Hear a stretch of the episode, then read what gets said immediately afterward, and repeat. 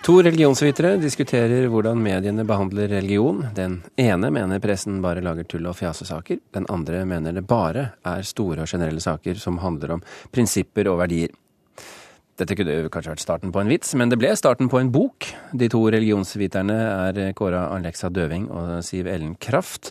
Og boken heter, nær sagt naturlig nok, 'Religion i pressen'. Og Kåra Døving, eh, hvem av dere gikk av med seieren, egentlig? Ja, det var en morsom eh, samtale vi hadde hvor Siv Ellen stønnet over at eh, religion, som da er faget vårt, alltid fremstilles litt sånn skandalepreget og som underholdning i, i, pressen, og at det er så veldig personfokusert. Det handler liksom mer om Gelius enn det handler om Bibelen. Og så sa jeg hva? Det kan ikke stemme. Religion er jo blodig alvor og verdikonflikter og terror og kjønnsproblematikk. Og dessuten så handler det jo nesten aldri om personer, men om veldig, veldig store og prinsipielle saker. Og vi fant jo fort ut at grunnen til at vi hadde så forskjellig oppfatning av religion i pressen, er at hun jobber med nyreligiøsitet og med varianter av kristendom, mens jeg jobber med minoritetsreligioner i Norge. Sånn at eh, utgangspunktet Begge hadde rett? Begge hadde rett, men så fant vi at det var også en god del likheter i saker som handler om religion, når mediene er interessert i religion. Og hva er det? Altså, Selve sakene vi har sett på i denne boka er veldig forskjellige. Det er alt fra engleskolene til Martha til hijab-debatter eller bygging av moské eller diskusjon om jødiske omskjæringsritualer for guttebarn. Det er veldig stort spekter av saker, og sakene er åpenbart forskjellige og betyr forskjellige ting. Men noen likhetstrekk fant vi, og vi konkluderer da også med at de sakene som er religionsrelaterte, eller som på et eller annet vis handler om religion, de bærer i seg noen mønstre som andre saker ikke har. Og det er at de ofte bærer i seg en fortelling om norskhet, om hva som hører hjemme i Norge, og hva som ikke hører hjemme i Norge. Hva som anses som riktig og verdifullt, og hva som ikke anses som riktig og verdifullt. I tillegg så fant vi at eh, tidsmetaforen, eller bruk av hva skal jeg si, samtid og fortid i presentasjonen av sakene, er veldig sterke når det handler om religion. At man trekker linjer tilbake til og noe er liksom årtusen gamle tradisjoner, eller så er noe så nytt at det bare er tull, som f.eks. med nyreligiøsiteten. Men, men, men eh, hva, er, hva kan man Kom dere frem til en sånn slags enighet om hva er det som er eh, som alle mediene syns er streit religionsutøvelse? Um, en, en enighet på streit religionsutøvelse. Ja, du, snakker om som, nei, du, nei, du snakker om hva som faller innenfor og hva som faller utenfor. Hva er det, det som faller innenfor? Det, det som faller innenfor, er eh, altså det som tas imot positivt da, i norsk offentlighet. Det er liberale stemmer og stemmer som kan snakke om religion gjennom sekulære argumenter. Altså at man argumenterer sånn ut fra et ikke-religiøst språk. Konservative stemmer, om det så gjelder kristendom eller islam eller jødis, jødedom for den saks skyld. Eh, det, det, har liten appell i norsk offentlighet, og har også liten plass i norsk uh, offentlighet. Um, det er også sånn at uh, at pressen fokuserer, eller at det som blir debatter, er jo også naturlig nok det som er sensasjonelt på et eller annet vis, og det som er i opposisjon med etablerte norske verdier.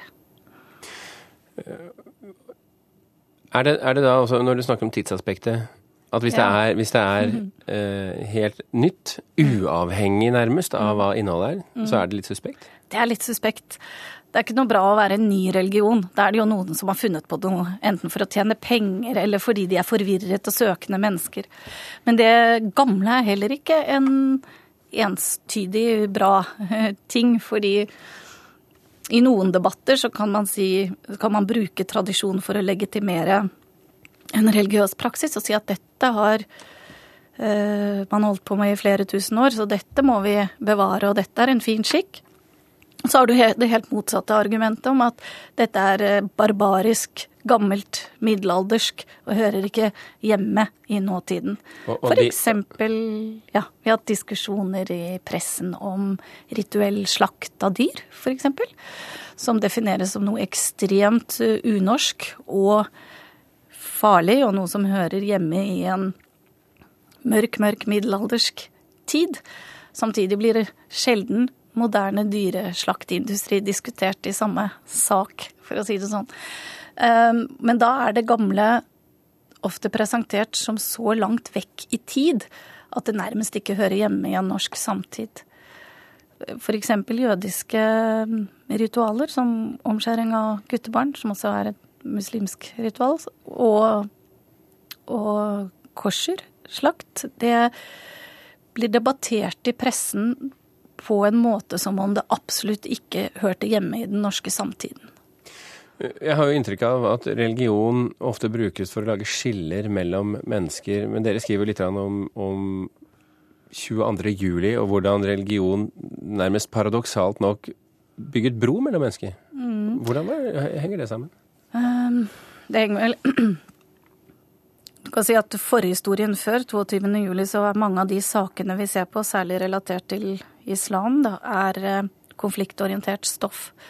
Og at um, andre religioner og flerkulturalitet, for å si det sånn, det tilhører på en måte konfliktstoffet i offentlig debatt.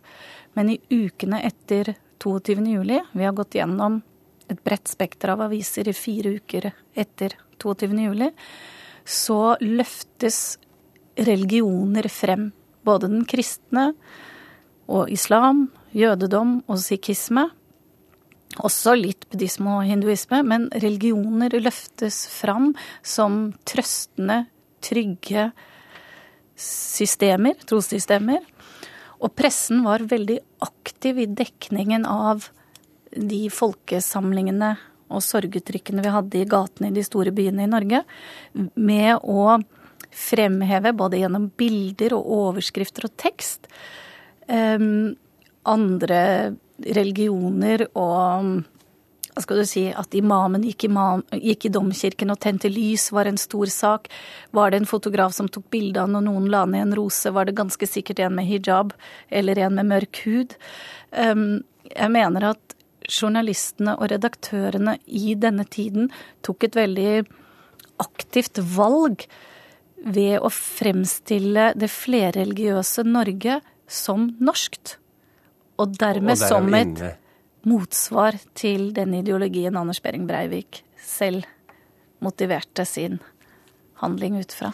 Men hvor lenge varte denne eh, søte konsensusen? Når det gjelder de generelle innvandrings- og minoritetsdebattene, så har jo forskere med jevne mellomrom blitt spurt har debattene forandret seg etter 22.07.